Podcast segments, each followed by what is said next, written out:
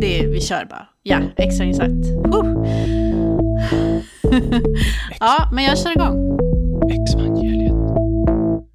Jesus lever. Dina synder är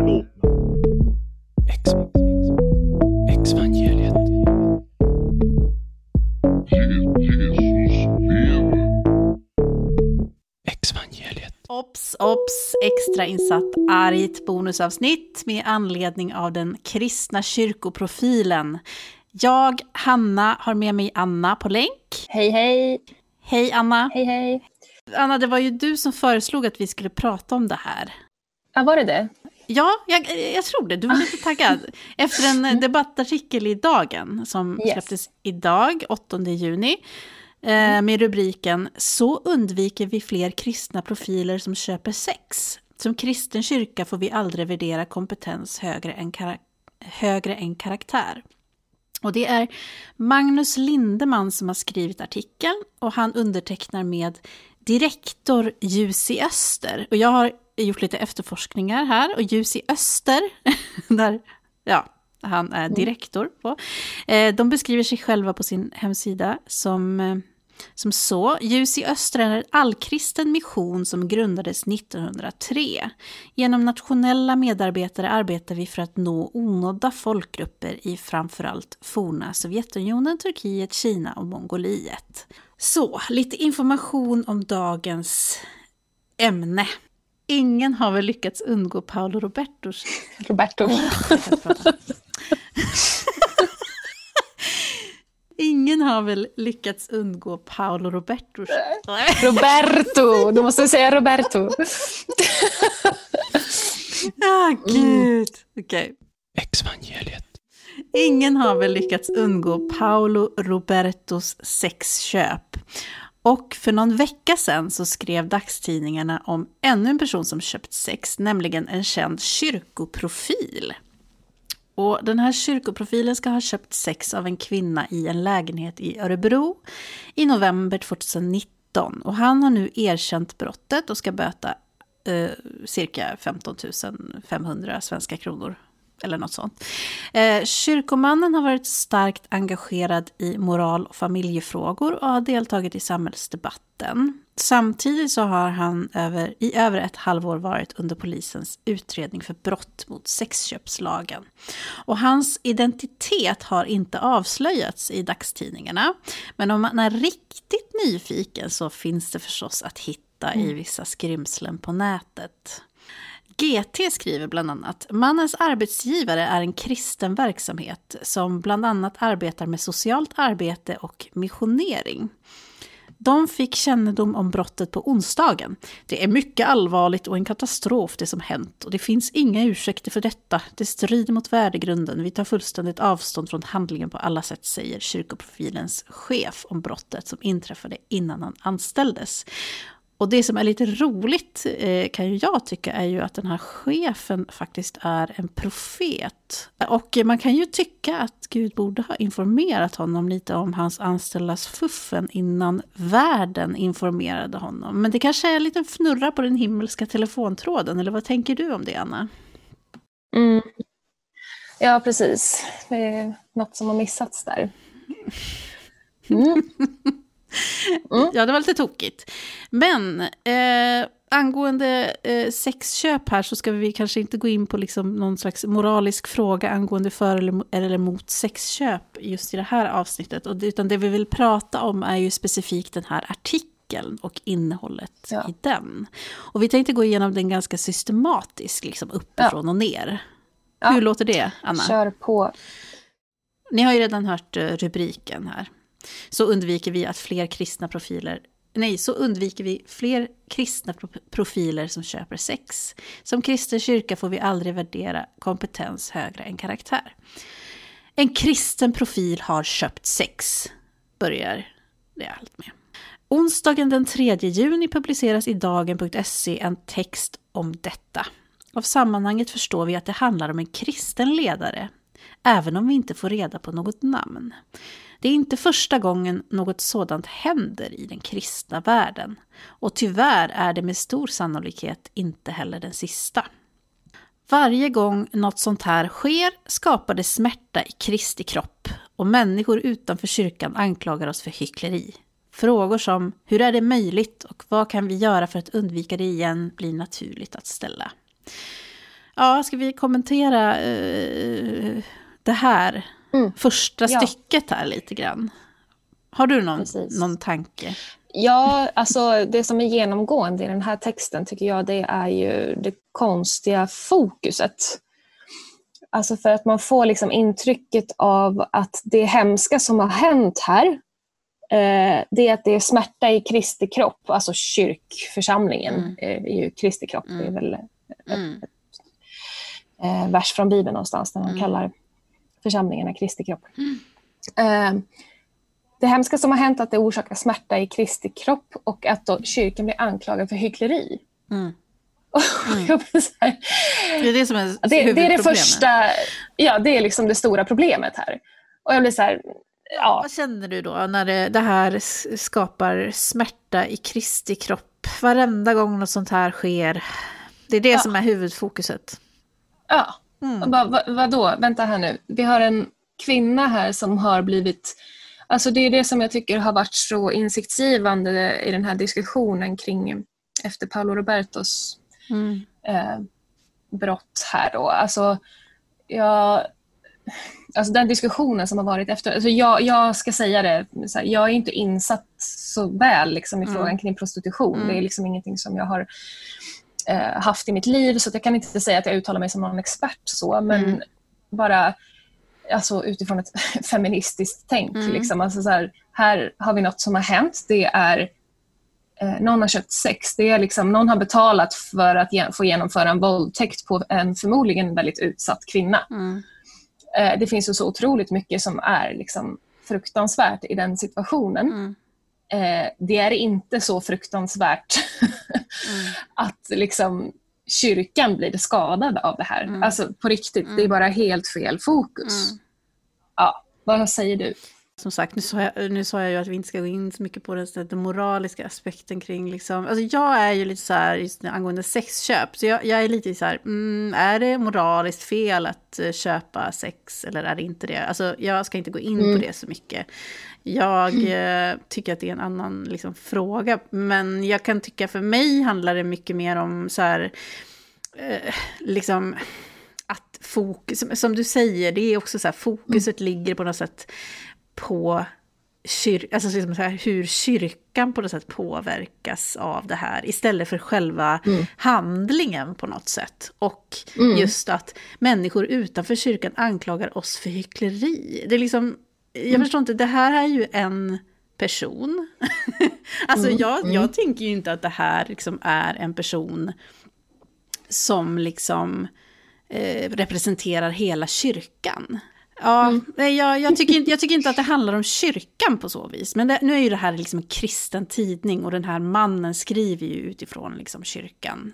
Ja, vad tänker du? Nej, men jag tänker väl Mm. på alla de här diskussionerna som har varit kring liksom katolska kyrkan och de sexbrotten som har begåtts där. Mm. Alltså att det liksom Mm. färgar lite det här på något sätt. Så att liksom kyrkan, eller så här, kyrkliga personer, eller folk som tycker sig, alltså identifierar sig med att tillhöra den kristna kyrkan känner sig attackerade när liksom Mm. någon från dem blir anklagade för sådana här hemska brott. Liksom. Mm. Nej, jag tänker att problemet blir ju liksom så här att jag tänker att, att, att det liksom inte tas på allvar på något sätt känns det som. Alltså det reds liksom inte ut riktigt inom kyrkan. Det pratas liksom inte om det. Det är inte så här, det är så här hysch-hysch liksom. Vem, vem är den här personen liksom? Mm. Eh, Det är liksom, det är så oklart på något Mm. sätt. Det är bara så här, en kristen profil. Ja, men som har sagt ganska mycket grejer om liksom andra människors sexuella läggning och så vidare. Alltså tidigare. Mm. Eh, men, liksom, men, men nu har det här kommit ut och då ska, det liksom, då ska han skyddas på något sätt. Jag vet inte, jag tycker det känns lite konstigt. Han sätter ju i alla fall eh, fokus där på varje gång något sånt här sker skapar det smärta i Kristi kropp Mm. och människor utanför kyrkan. Ja. Hur är det med Det är just- offrets kropp? Hur mycket smärta har hon? Mm. Mm. Mm. Det kunde man ju hellre diskutera, känner jag. Exvangeliet. Men jag tycker också så här, hur är det möjligt? Mm. då kan jag känna så här, varför blir man chockad? Alltså, varför blir man chockad? Ja. Alltså, det här tycker jag, där tror jag är en sån här typisk grej som vi har pratat om mycket, det här med eh, att, att det ska vara liksom bara gott. Liksom. Ja. Alltså alla människor som, det är liksom, har du tagit emot Guds ande så, så är det liksom, nej det är inte möjligt, hur är det möjligt Ja, att en kristen person kan göra såna här dumma grejer? Liksom, jag tycker att det är så här, ja, han är människa. Men det är också så här, den här intressanta grejen som kommer lite senare, liksom, som han börjar med, med sen. Mm. Att det, liksom så här, det ska förklaras, hur kan det här ha hänt? Ja, Liksom? ja. Och då har man ju liksom vissa olika förklaringar här som vi kommer till. Eh, vilket jag också tycker är väldigt skrattretande. Men ja, Ska, vi, går- vi går vidare här. Ja. Eller om hade du något mer på den där första? Eh, nej, alltså det, det knyter ju in på, liksom, alltså för han, Mm. resten av hans krönika, där, där förklarar han ju väldigt målande på något sätt hur, hur han ser på det här. Liksom, att han förklarar det utifrån Mm. en andlig dimension och utifrån Bibeln och eh, ja, även har fina lösningar som är grundade i Bibeln. ja, och, och det är där jag känner liksom, det blir väldigt tydligt vad jag tycker är problematiskt Mm. här.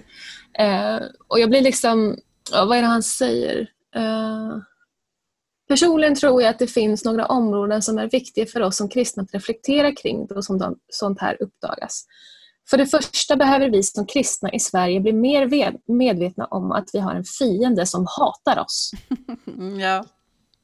Och, och jag, det, är liksom så, det är så han inleder sin liksom förklaring på det här. Vi har en fiende som hatar oss. Och, och jag, ja, alltså jag blir så ledsen. De, de i Sverige som inte vet vad den här fienden, vem den här fienden är, kanske vi ska förklara då att det är eh, djävulen, helt enkelt.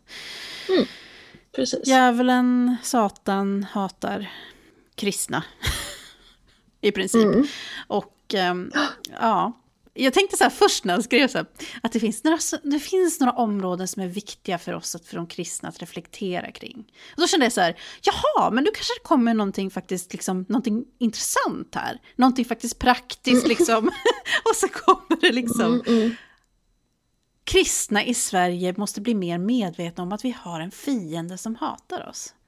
Bibeln beskriver hans syften bland annat med orden Er fiende djävulen går omkring som ett rytande lejon och söker efter någon att sluka. Samt tjuven kommer bara för att stjäla, slakta och döda. Vår fiende djävulen är verklig och attackerar varje kristen med målet att fördärva den enskilde och hela Kristi kropp. Han känner till varje individs svaga punkter och skyr inga medel för att göra allt som ligger i hans makt för att slakta och fördärva. Alltså det, det, det är liksom... Ja, det är så här, okej, du tror på riktigt på djävulen. Mm. Eh, vad, ska, vad ska jag säga? Alltså, det, ja, jag blir bara så ledsen på något sätt för att det är så här... Ja, vart ska jag börja? Okej, men så här, offret är kyrkan, församlingen, Kristi kropp. Anledningen till att det här händer är eh, fienden, Satan, djävulen, som är verklig. Och sen säger han så här, det hjälper inte med att vi blundar för den här verkligheten eller försöker förklara ondskan genom att avpersonifiera vår fiende eller till och med förneka hans realitet. Det gör ju vi då, skulle jag ju säga. Men för han menar Bibeln förklarar med tydlighet att djävulen existerar och att han är aktiv och att vi som kristna är i ett andligt krig mot honom. Ja, alltså det är svårt. Jag tycker det är svårt att liksom unpack, om man säger så. Alltså det är ju så, liksom, det är så mycket känslor Det är en- alltså det- Jag känner bara så här, jag känner bara så här, nej, det här är inte okej. Det här är liksom, Ja. varför? Nej. Alltså han beskriver ju liksom, han beskriver någonting som jag ser som, som en så, här, så fruktansvärd ångestfylld mardrömsrealitet. Mm. Liksom. Att det finns en djävul liksom, som går runt och liksom, ska sluka oss. Och, alltså det, det är bara så här, men, men kära nån, vad går du runt i för skräckfilm varje dag? Alltså, och jag, alltså, på något sätt, jag, jag tänkte mycket så under min dekonstruktion, liksom när jag började tänka på liksom Kristus och djävulen och liksom de här figurerna på något sätt. Att det, är så här, det är symboler för olika delar av, av mig, så att Mm. säga. och jag vet att många kristna tänker så, liksom att de här mörka drifterna, lustarna, liksom, de, eh, ilska, sorg, smärta, ja, sexualitet också. Liksom, allt det där är, liksom, det är vår mörka sida som är, liksom, och allt det är djävulen i oss. Liksom. Och vi måste vi måste frälsa den här sidan av oss, i, av oss själva. Mm. Liksom. Och det, det blir, ja. Eh, Men tänkte du, alltså, tänkte du på djävulen liksom som en fysisk så här, person när du var inom kyrkan? Ehm, jag tror att det var lite olika i olika perioder av mitt liv. Eh, jag, alltså, jag har förstått liksom, genom våra samtal och jobbat med den här Mm. podden att liksom, ni i frikyrkan hade en väldigt så här, mycket tydligare bild liksom, av djävulen och helvetet Mm. liksom, och det fruktansvärda liksom, kring allt det Mm. där. Liksom. Så var det inte. Det var liksom inte riktigt så levande gjort för oss, kände jag, i mormonkyrkan. Mm. Utan det var liksom lite mer subtilt och det var mer liksom, fokus på att vara snälla och glada och ha roligt. Mm. Liksom, och, så. Sen så när man kommer till templet och liksom får göra den här tempelceremonin, där är det ju verkligen så person, personer. Liksom, man får se en film eller en teater Mm. liksom, där de spelar upp den här Mm. berättelsen om djävulen. och Så, så då blir det, då blir det liksom mer verkligt, men då är man vuxen på ett Mm. sätt. Eh, så man får inte den här barna, de här barnaögonen på det, med liksom, där det blir på riktigt ett, ett skräckscenario. Mm. Mm. Liksom. Men absolut så trodde jag ju på liksom onda andar och demoner och då, där har jag liksom flera minnen av att Mm. jag trodde att det var onda andar som var i närheten som jag behövde vara rädd för. Liksom, och, eh. Ja, för alltså, det här är ju så himla, det här är ju så himla målande. Alltså, jag, tror att, alltså, jag är så van vid att läsa såna här grejer. Liksom. Så här, vår fiende, Mm. fiende djävulen är verklig och attackerar varje kristen med målet att fördärva både den enskilde och hela Kristi kropp. Alltså det är så här, det är ju liksom, det är en sån Mm. krigs, liksom, scen. Alltså, Ja. jag upplevde det som att liksom så här, det fanns en andevärld och den var, väldigt, den var lika nära och närvarande och verklig som den verkliga världen. Och om man nu Mm. tänker det och upplever det och så tänker du liksom att man faller i synd då, typ. Och man råkade köpa lite sex.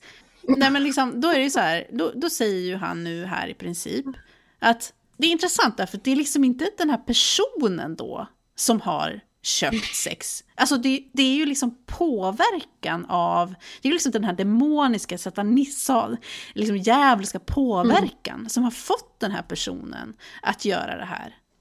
Och sen, Ja. sen så går han ju vidare liksom senare också och pratar om liksom vad som kan få oss att inte göra såna här grejer. Och det är ju liksom att ja, gå igenom Herrens kraft på något sätt. Och det är så intressant, liksom, Mm. tycker jag, så här, vart tar den här människan vägen? Alltså den här människan Mm. som liksom på något sätt ska vara så ansvarig för sina handlingar. För här handlar det ju bara Ja. så här om ehm, eh, antingen är du jätteutsatt för djävulen eller så liksom går du bara i Herrens, liksom, låter Herren ta över helt. Och du liksom, personen blir bara helt utraderad på något sätt. Men ändå så är det den Mm. som är syndig. Liksom. Ja, jag tycker det är så, jag tycker det är så obehagligt. Att man liksom bara Ja. skyller på, på utomliggande orsaker. Liksom. Istället för att bara så här, den här Ja. personen har gjort det här. Okej, liksom, ingen människa är perfekt. Men man måste ju kunna utgå från så här, liksom, den här personen kanske har problem eh, på något sätt. Och där måste vi ju liksom lägga fokus. Vi kan inte bara så här, åh det är djävulen. Alltså, nej men liksom, det är ju helt så här, vad, vad ska vi göra med det då? Ska vi ha liksom en slags exorcism då eller?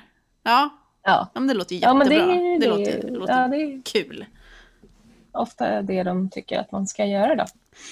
Exvangeliet. Eh, Vi fortsätter lite här. För det andra, det första var ju då att vi måste, alltså kristna måste förstå att djävulen finns och att han är liksom, han är, han är på, han är på oss, eller oss, vi är inte kristna, men han är på kristna och bara, mm, mm, mm, mm du ska synda.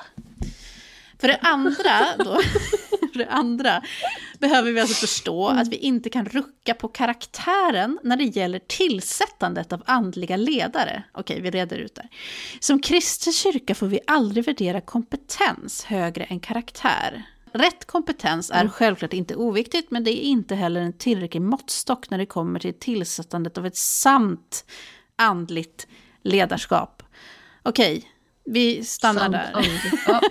Okej, vi får aldrig värdera kompetens högre än karaktär. Alltså det, det, det där, jag, jag, liksom, jag tycker hans människosyn lyser igenom här. Liksom, att, det är så här, att en person kan ha karaktär mer eller mindre och karaktär tror jag han syftar på liksom, att man är redbar var ett ord vi använde i mormonkyrkan. Att man liksom stod för Guds ord och man liksom levde evangeliet och man var en god och rättfärdig människa som vandrade i Herrens spår. Liksom. Det kan jag tänka mig är det han syftar på, när, liksom, att man har en andlig karaktär, liksom, så här, rättfärdig. Mm.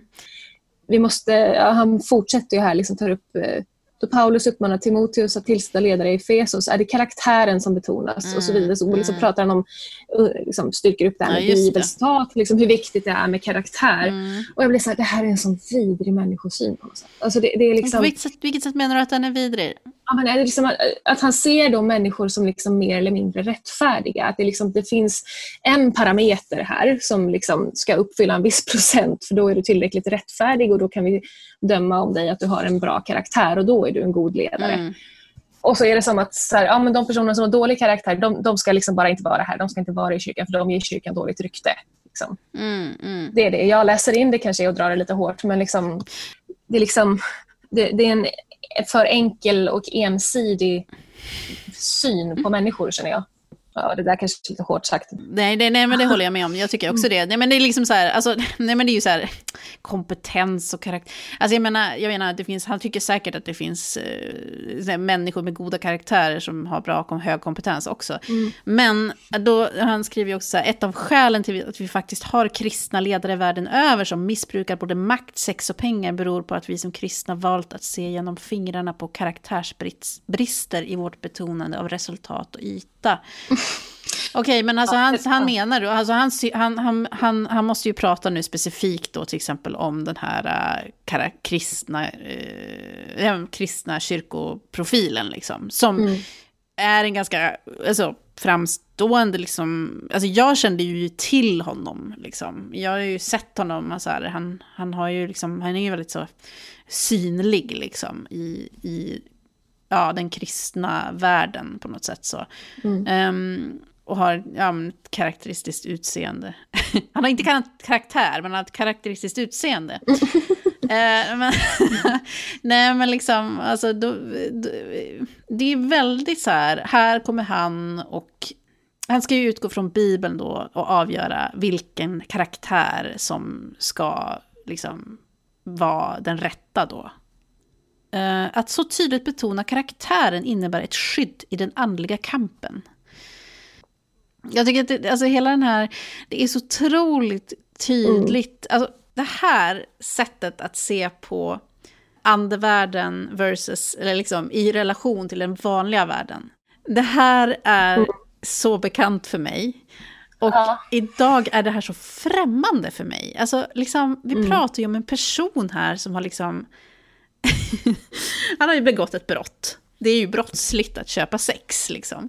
Mm. Eh, liksom, mm. Det här har ju ingenting för mig med andevärlden att göra. Han kanske har sina egna demoner i sitt huvud. Liksom, och det, det säger jag mm. ingenting om. Alltså, psykologiska demoner, det kanske han har. Det är en helt annan sak. Men liksom, mm. ni måste ju hantera människan, inte mm. så här, äh, börja prata om demoner och, och liksom...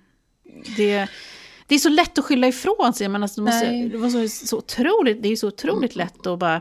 Jo, men jag har ju hört den här äh, kristna personen också, äh, den här kristna profilen. När han har pratat om liksom sina, sina felsteg och sånt där tidigare så har det varit liksom så att prata om, upplever jag då, det här är min tolkning liksom, men att eh, vi måste förstå liksom att eh, de mest utstötta, de mest fallna människorna är de som är närmast nåden. Alltså det är de som är närmast liksom, att få förlåtelse. Va? Förstår du? alltså, så här, så här, typ, alltså typ att så här, alltså det här är min mm. upplevelse, jag kanske har uppfattat det här fel, men liksom så här, eh, ja, uh, alltså typ som att, ja men du vet så här, nåden är, eftersom det inte handlar om vad du gör mm. själv, det handlar inte om dina, alltså det här är liksom väldigt starkt just inom eh, frikyrkan i alla fall. Det finns ju mm. mycket regler eh, inom frikyrkan, men det är ändå så här, i slutändan handlar det ändå om mm. nåd. Mm. Eh, så att du kan göra i princip vad som helst. Alltså, ju, ju, mer fallen du är, desto närmare liksom, finns nåden för dig. Du behöver bara liksom sträcka ut handen till Jesus och säga förlåt. Typ. Ja. Och då, har du, då är du förlåten. Alltså det är i princip det det handlar om. Det, det är liksom...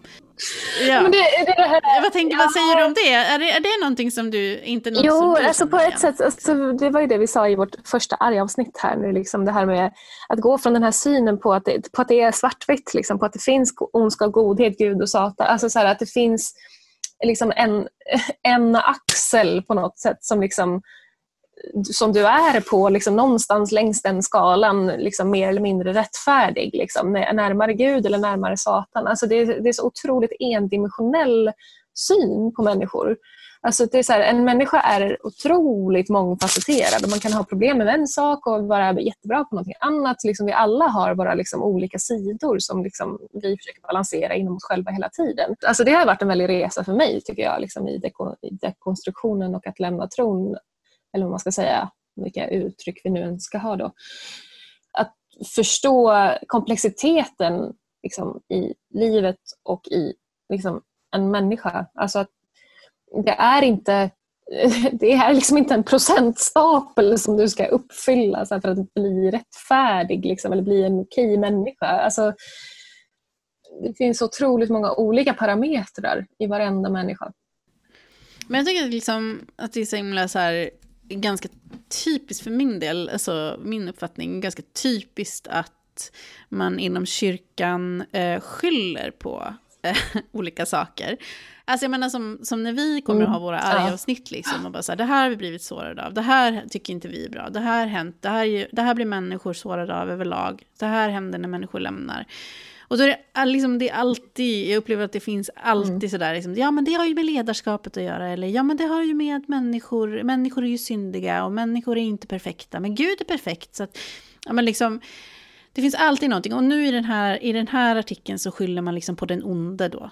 Som liksom drar, som, som påverkar oss så Mm. att vi gör dumma handlingar. Liksom. Jag tycker det vore så uppfriskande och f- bra och i tiden faktiskt om många, alla kyrkor vågade liksom fatta att man inte kan skylla ifrån sig på den onde. Liksom. Men eh, jag tänkte, eh, alltså för jag tänkte, alltså för det var väl det som Paolo Roberto sa också, att han, här, han har ett självskadebeteende liksom, i sig och därför har han gjort så här. Alltså det är väl lite samma så som att skylla på djävulen. Liksom. Ja men exakt, jag tänkte precis samma sak. Alltså när jag läste den här artikeln så tänkte jag, alltså det känns ju väldigt, väldigt likt. Alltså jag skyller på, jag skyller på någonting liksom. Skyller på någon demon, vare sig man tror på att det är en verklig demon i andevärlden eller liksom någon psykologisk demon. Alltså det, ja, och, och, och på ett, alltså det ligger ju någonting i det. Alltså det jag tror väl att alltså, människor som gör sådana här saker, de har ju någon liksom urge, nå- något så här, någon grej i sig som driver dem till det här. Och det kan man ju liksom symboliskt personifiera med någon slags demon. Alltså jag menar, det säger vi ju så i vardagsspråk också, så här, ja, men mina demoner liksom, och sånt där. Mm, ja, ja men Det är precis. liksom en, en sinnebild för liksom olika saker i oss som Mm. oss att göra dumma saker. Liksom, eller så. Men alltså, det, det, det är som du säger, det, det blir så lätt att det blir liksom att man skyller på det där. Och, och speciellt då liksom, om man tar ett steg till så här, som kristna då, och tror att det på riktigt är liksom andeväsen, så här, demoner som lockar och drar dig då blir det ju väldigt så här, det är, som du säger, det är inte personen som har gjort det här utan det är demonerna som har fått den här personen att göra det och vi Mm. måste därför skydda oss mot demonerna. Det är här, men det är här det också det kommer till liksom skiljepunkten så tydligt. Liksom, är man troende på det här andevärlden? mm. Man inte det? Vi är ju inte det så att vi säger så här, det är den här människan som har någonting i sig som har gjort Mm. det här och det får han ta ansvar för. Han får ta ansvar Mm. för sitt brott, han får ta sitt straff och han Mm. får liksom kliva ner från de positioner som han behöver kliva ner från. Mm. Liksom, för han har inte förtroende där längre. Eh, det, ja. Men det är ju här som det här med problemet med förlåtelse kommer in, tänker jag. För att, alltså jag menar, Ja. det är ju här det är liksom lätt då att så här, nej men den här personen föll och den, han för, eh, alla är vi lätt påverkade av djävulen och alla kan vi falla. Men eh, vi kan be om förlåtelse och då kan vi liksom bli upprättade. Om du tänker dig liksom att det här skulle vara då ett övergrepp till exempel i en församling. Liksom. Alltså, Mm, ja. någon har blivit våldtagen eller förgripen på sexuellt liksom, Ja. av en ledare Ja. till exempel. Alltså, för mig är ju det, det här liksom, eh, en ganska tydligt liksom, så här, koppling till den typen av så här, mönster. Att liksom, Mm. ja, nej, men, vi, det, men det är ju den onde som har gjort det här. Mm. Ehm, men, men det går att eh, få förlåtelse för det. Och så faller liksom den här personen som har blivit utsatt, faller liksom Mm. bort i ekvationen, kan man säga. Mm. Mm. Ja, nej men alltså det finns jag har hört, så- alltså jag har fått ta del av, av eh, så många fruktansvärda historier liksom från olika liksom, församlingar och grupper, kristna grupper av olika slag. Liksom, och jag har flera personer runt mig som också varit utsatta för, ja, för olika sexuella eh, brott Mm. eh, och har förövare då som är kristna. Liksom, och, och det blir... Eh, alltså det, det är så fruktansvärda historier som har liksom utspelat sig i, i just, den här, eh, just det här området. Mm. När liksom ett offer söker hjälp, eh, man kanske fortfarande har förtroende för sina kyrkledare, går till någon annan kyrkledare och ber om hjälp och de säger så ah, nej men ja, liksom, nu har det varit en demon här och nu ska vi eh, liksom hjälpa till med den här förlåtelseprocessen och så ska man liksom fortsätta umgås med den här Mm. förövaren. Och förövaren vi, nej, men vi går inte till polisen liksom, för att det här reder vi ut med Kristus. Liksom, och, och så, nej, nej, nej, men eh, Kristi försoning kan ta allt sånt här. Liksom, och så eh, vips har den här personen fått en eh, högre uppsatt position. Liksom, för att, Mm. och, och så offret går där bredvid och ska liksom vara förlåtande och bara se den här personen få mer och mer förtroende. Och för att han har ju omvänt sig från det här hemska som han har gjort. Och så då fick han ännu högre status. Liksom, för att han vände så från en, från, från en så låg position. Liksom. Eh, alltså det, det, är en sån, det är en sån vidrig situation för de här offren och de är inte få. Alltså det är så Mm. många personer som har lidit på det här sättet i Mm. liksom kristendomens namn. Så att det, det är liksom, jag, det här är ett sånt stort och vidrigt problem så att liksom, vi kan inte angripa det på det här sättet som görs. Det måste till en förändring. Liksom. Det är här vi måste liksom få in rätt system och nya, nya praxis liksom, för att det liksom, det, det är så vidrigt för de här personerna alltså, som blir utsatta för det här. Ja, ja. Men jag tänker på alltså det här med om man ser det från eh, kanske ett kristet håll, ett Mm. kristet synsätt, eh, på den här grejen att hur du kan, kan bli förlåten. Mm. Typ att det, det är så här en fin grej, typ att det är så här, åh vad fantastiskt att jag kan ha gjort i princip vad som helst Mm. och jag kan ändå bli förlåten. Mm. Att det är någonting väldigt så fint och Ja. eh, liksom någonting som är så fantastiskt och är ju en sån stor del av liksom hela kristendomen. Just den här, äh, du är alltid välkommen till, till Jesus, till Kristus liksom. Mm. Vad, vad tänker du, alltså om man har den vinkeln liksom? Ja, alltså det har jag känt så här, att eh, en, den största lögnen som kristendomen smällde i mig eh, Eh, var att förlåtelse och läkning, liksom, så att säga, eller jag kallar det för läkning tiden, eh, att det är någonting som man kan pressa fram. Eh, vi är människor, vi har liksom vårt känsloliv, vi kan få emotionella sår och för mig är det ingenting som man liksom kan så här, sätta plåster på och gå vidare. Alltså för det är det jag tycker att försoningsoffret, liksom Kristi försoningsoffer offer också, ofta ska bli så. Liksom att här har någonting hemskt hänt, man är liksom skadad emotionellt eller andligen som de säger då. Och då så liksom tar man till det här tanketrycket, liksom Kristus, och så är allting bra. För att Kristus har ju tagit all din smärta. Och liksom för vissa så fungerar det. Jag har sett det här liksom i praktiken. Liksom jag hade en vän som hade varit utsatt för fruktansvärda övergrepp. Liksom, och hon hade Kristus och hon liksom hade så här, varit ute och gått någon gång och liksom ramlat ihop för att hon var så bruten liksom, i anden. man ska säga. Men så hade hon tänkt på Kristus och så hade hon kunnat resa sig upp och ställa sig och gå igen. Liksom. Och, eh, alltså, det, är så här, det, är en, det är ett tanketrick, ser jag det som. Mm. Som, Mm. som du kan hämta kraft ifrån och för en del så fungerar det. Men för mig eh, så var Mm. det, för mig var det liksom inte det fungerar inte så för mig och jag tror att, att jag inte är ensam faktiskt. Eh, Utan förlåtelse ser jag nu som liksom, det är någonting som sker naturligt när din liksom, emotionella process är klar med det här Mm, fruktansvärda du har varit mm. utsatt för. Eh, liksom, om du tvingas, om du pressas fram i den här förlåtelseprocessen liksom, av gruppen, av Eh, liksom, predikningar och sådär, att du ska liksom, eh, göra det här, du ska förlåta den här personen, du ska kunna vara nära den här personen, du ska kunna vara ett i Kristus med den här personen som har gjort det här med dig. Alltså det, det, är bara, det, det, skadar bara ännu djupare. Det, gör bara, det bara adds on the trauma. Liksom. Alltså det bara blir större och större. Um, och bara ökar uh, den emotionella skadan. Liksom. Och dessutom då liksom, när alla runt omkring dig tycker att du borde liksom, du borde förlåta, du borde kunna liksom, ha den här personen i ditt liv, du borde kunna... Alltså det, det, kan bli så, det kan bli så fruktansvärt fel för offer. Eh, så att jag, jag tycker att den synen, liksom, jag, nej, jag köper inte den alls. Ja, man kommer ju undan väldigt lätt som förövare i det läget. Om man ja, så. verkligen. Ja. mm. Eh, alltså, ja, nej, jag, jag bara säger så här, alltså de här hierarkierna som är i kristna församlingar ofta också. Vi har ju liksom ledare och så är det liksom hierarkiskt mer eller mindre uttalat då, och sen så är det liksom personer som inte har eh, några uppgifter kanske utan mest kommer dit och så som är liksom längst ner i hierarkin så att säga. Och, och det, det, är också en det, det, där är också en väldigt, alltså en väldigt viktig grej att tänka kring eh, i församlingar. Att det, det har ju blivit så tydligt här med metoo och alltihopa, liksom, att personer som har makt, alltså så här, o, maktobalanser och vad det gör med förövare och offer. Liksom, att det, ofta, eh, alltså det, det, är oftast de som är liksom längst ner som blir offer och de har kanske inte alltid möjlighet eller har en särskilt stark röst att höras eller liksom, eh, kan säga ifrån. Och, och sen så liksom har man ifall det är en person som är högt upp i hierarkin som är, som är din förövare, alltså hur ska du stå emot den? Liksom? Du ska bara förlåta den personen. Och så, ja, det, det kan bli så vidriga situationer. Alltså. Jag bara säger det igen och igen. Det kan bli så fruktansvärt vidrigt. Exvangeliet.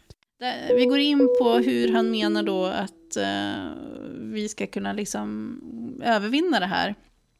Och säger han, skriver han att slutligen behöver vi understryka att kraften till att övervinna frestelser och attacker finns i Herren själv. och det, det, här, kommer han, här blir han ju liksom predikande. Alltså här blir han ju, han har ju sin lösning här. Liksom.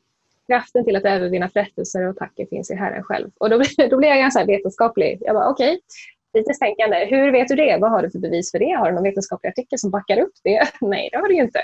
Alltså för, för mig här nu så är han ju, eh, jag har pratat om det här, eh, man går från liksom inre sanning till yttre sanning. Um, här tycker jag han nu är liksom på de inre sanningarna. Han pratar om sin, sitt sätt, alltså hur, hur han ser på hur man jobbar med sitt inre. Uh, för mig är liksom, Herren kan vara liksom den här ja, det är ditt framtidshopp, det är din kärl, alltså kärleken, det är liksom de ljusa positiva sidorna i ditt liv som har personifierat den här Herren. Liksom. Och han, det är det han pratar om, alltså sin process att ta sig framåt i sånt här. Och där är han ju inne på något som jag skulle vilja kalla liksom det konstnärliga. Då. Eh, då kan, alltså, så kan jag se liksom, en präst som står och pratar, att det är liksom hans konstform, liksom, hur han jobbar med sig själv och sitt inre. Eh, jag tror ju inte på Herren, liksom, eller på Jesus. Jag tror inte att det där finns. Däremot kan jag se att du har en psykologisk process med liksom, du jobbar med ditt hopp på något sätt, eller vad ska säga, liksom, eh, som gör att du tar dig framåt i det här. Det är ju inte min väg. Så jag mm. tycker Nej. att det är ganska förmätet. att, det är väldigt, att det är förmätet av dig att stå och säga så här. Att liksom kraften till att övervinna frestelse, att säga det som ett påstående. För att jag tycker inte, det är inte så. För mig är det inte så. Jag förstår att det är så för dig, men det säger bara någonting om dig. Eh, du kan inte predika allmän sanning för alla. Liksom. Nej men, nej, men det, det, säger ju verkligen bara någonting om, om honom specifikt. Mm. Och, eh, sen, så, sen så drar han ju in liksom även alla andra kristna i det här också. Så han, han, han säger sig tala för alla andra kristna också. Han skriver, i det krig som varje kristen har att utkämpa räcker det inte med att vara principfast. Ingen är stark nog att övervinna i egen kraft. Och där, mm, mm, det är ju också samma sak där. Och, det, och, och liksom, jag, jag menar, det, det, här är ju så, det här är ju så långt bort från verklighet. Jag menar, alltså det här, okej, frestelser och attacker. Vad är de här frestelserna och attackerna? Är det liksom så här, åh, jag vill eh, gå och ha sex och jag vill eh, mörda någon och jag vill eh, vara omoralisk och jag vill, alltså jag menar, människor som inte befinner sig i den här kristna sfären och utkämpar det här kristna kriget, liksom. Jag menar, vi lever ju liksom, vi har ju också en moralisk kompass. Jag tycker att det går jättebra att övervinna saker som man inte känner känns moraliskt rätt med egen kraft. Jag upplever inte att det är något problem. Vi går ju inte runt och våldtar människor.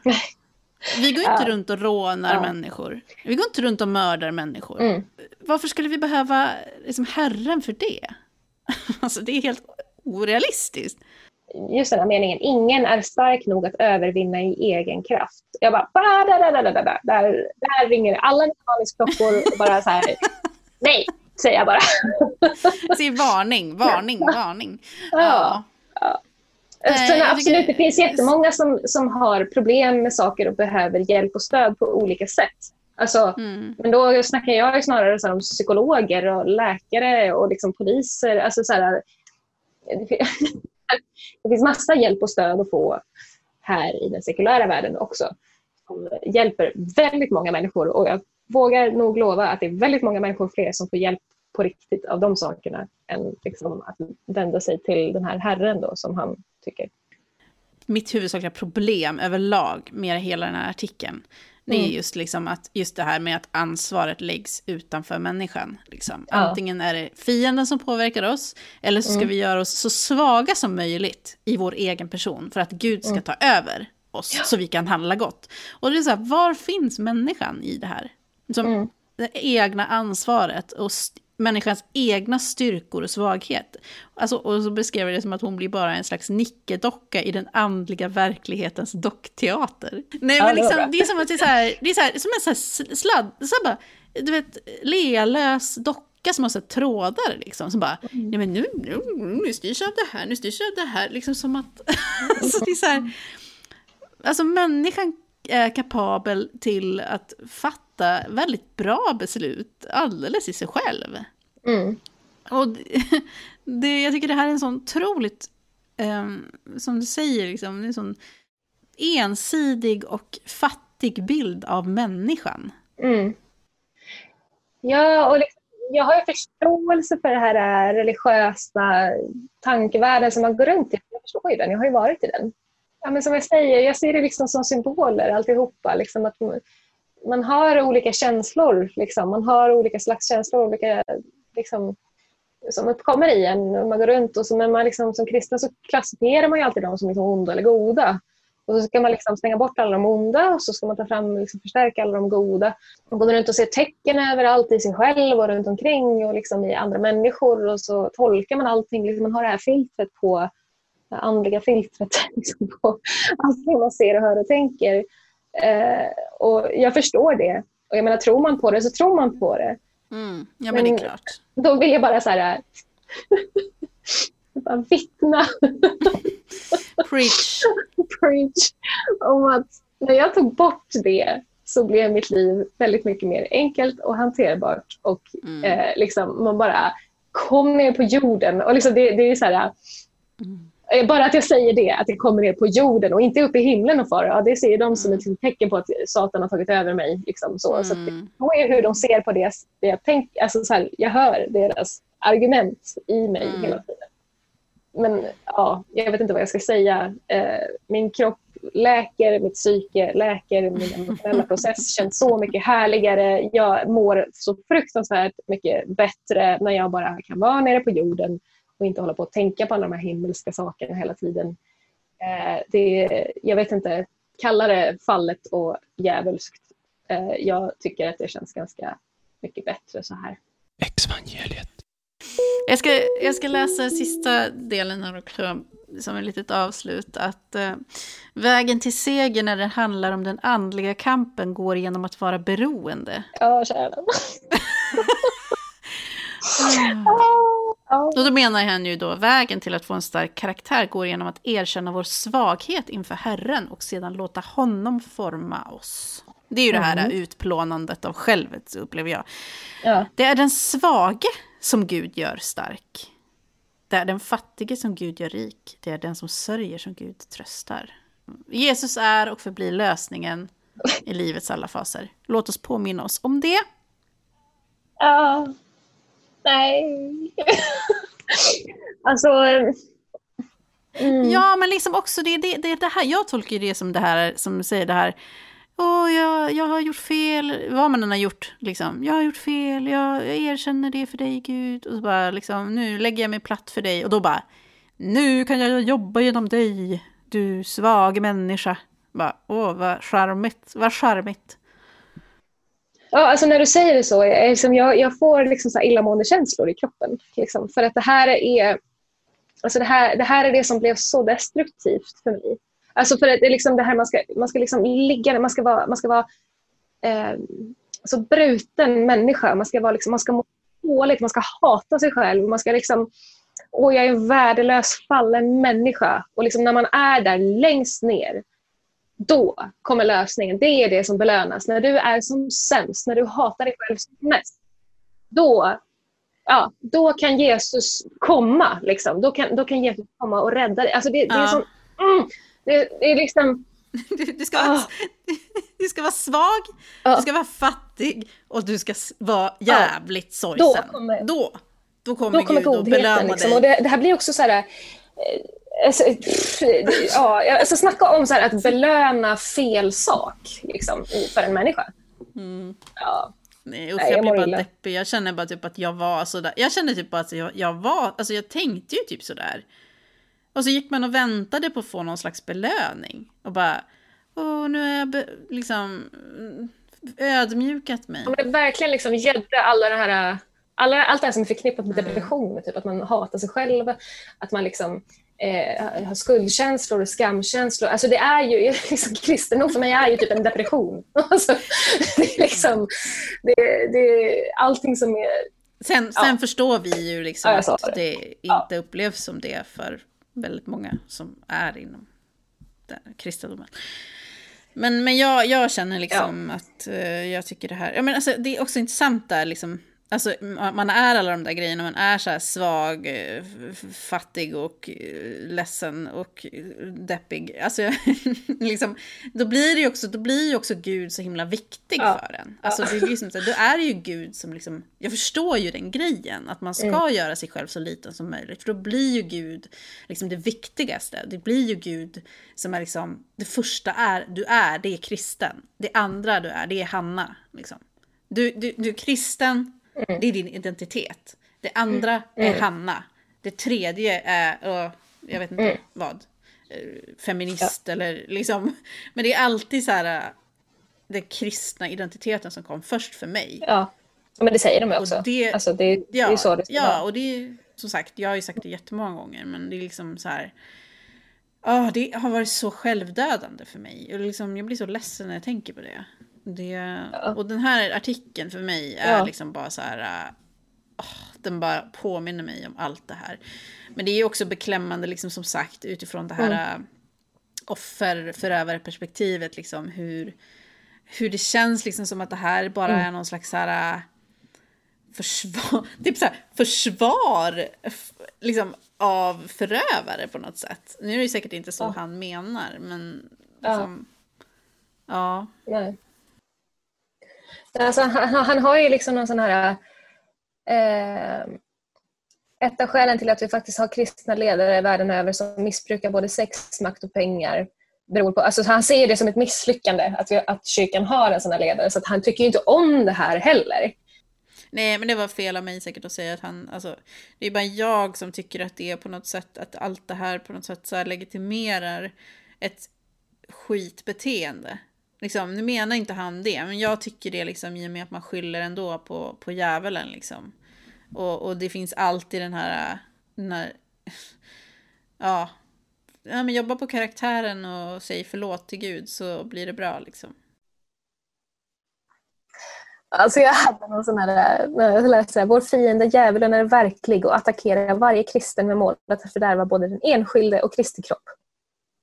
Okej, okay, du tror på riktigt på djävulen då tycker jag bara synd om dig att, om du gör det. Men sen också så här, okej, okay, om han har målet att fördärva hela Kristi kropp, alltså kyrkan, så har han misslyckats rätt kapitalt i 2000 år. Så att det är inte en särskilt stark motståndare vi har att jobba med. I så Exvangeliet. Mm.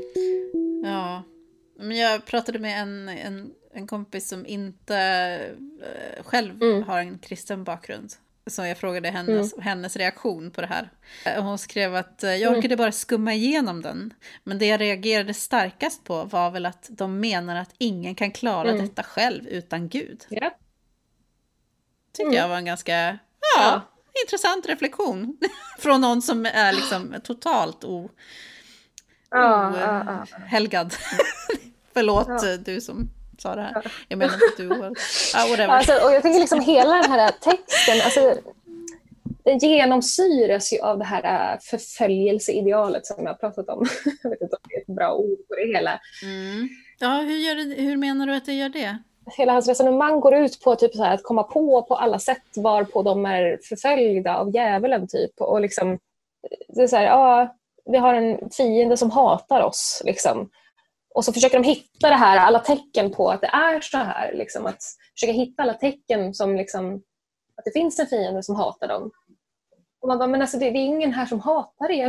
eller, liksom, eller jo, alltså, tyvärr så finns det ju haters everywhere. Liksom, och då, alla möjliga olika grupper blir utsatta för alla möjliga olika förföljelser. Men jag alltså, det, blir, det här blir så svårt. Alltså, de har liksom den här synen på sin omvärld hela tiden. Att de alltid söker efter liksom, de här tecknen på djävulen. Och liksom, så fort de hittar dem så bara ah, vi är förföljda, de hatar oss. Liksom. Eh, och jag blir så här, men alltså, det, det är liksom, ni, ni får vara här. ni kristna, det är, så här, det är okej, ni är okej. Så länge ni är reko mot dem runt omkring och er själva. Typ. Det är ni tyvärr inte, så därför måste ni ta kritik som alla andra. Liksom. Alltså, bara, alltså, vi, ni måste kunna inse liksom, att ni är inte förföljda bara för att folk kritiserar er eller för att det händer er dåliga saker. Eller liksom, alltså, sådana här saker händer alla människor. Alla grupper har haft någon ledare som har köpt sex, tyvärr. Alltså, det är så här jättevanligt mänskligt problem. Det är fruktansvärt, men det är tyvärr så det är. Vi behöver liksom möta de här problemen på ett liksom reko-sätt. Men jag tänker, nej, men jag, tänk, jag tänker att det, är, alltså det här med att ha en, en typ mm. av demon eller demonisering eller någon slags, så, det är väl, känns väl som en ganska mm. vanlig så här, grupp man måste skapa en typ av gemensam fiende på något sätt som man kan jobba emot. Så det känns ju liksom, mm. egentligen är det ju inte så liksom, konstigt, men det blir ju så dramatiskt när man liksom pratar om det på det här sättet. Liksom. Det blir så här, ja, en fysisk, mm. faktisk person som heter djävulen liksom. det blir så här, mm. Eh, jag tycker att det känns, liksom, försök att fokusera lite grann på er själva istället ja. och eh, vad ni själv kan göra liksom. Eh, med era egna liksom, personliga ja. utvecklingar istället för att hålla på och skylla på liksom, mörkrets makter eller ta hjälp, bara hjälp av, av Herren. Ja, det är min, mina åsikter. Ja. Uh, så. Exvangeliet. Um, har vi några sista ord? Be ye free och släng ett kors. Eller vända upp och ner. Ja, ja. Mm. Nej, usch. Ja. ja, mm. ja, Anna. Mm. Ta hand om dig. Vi, ja. vi ses. Det gör vi. Ha det bra. Hej då. Exvangeliet.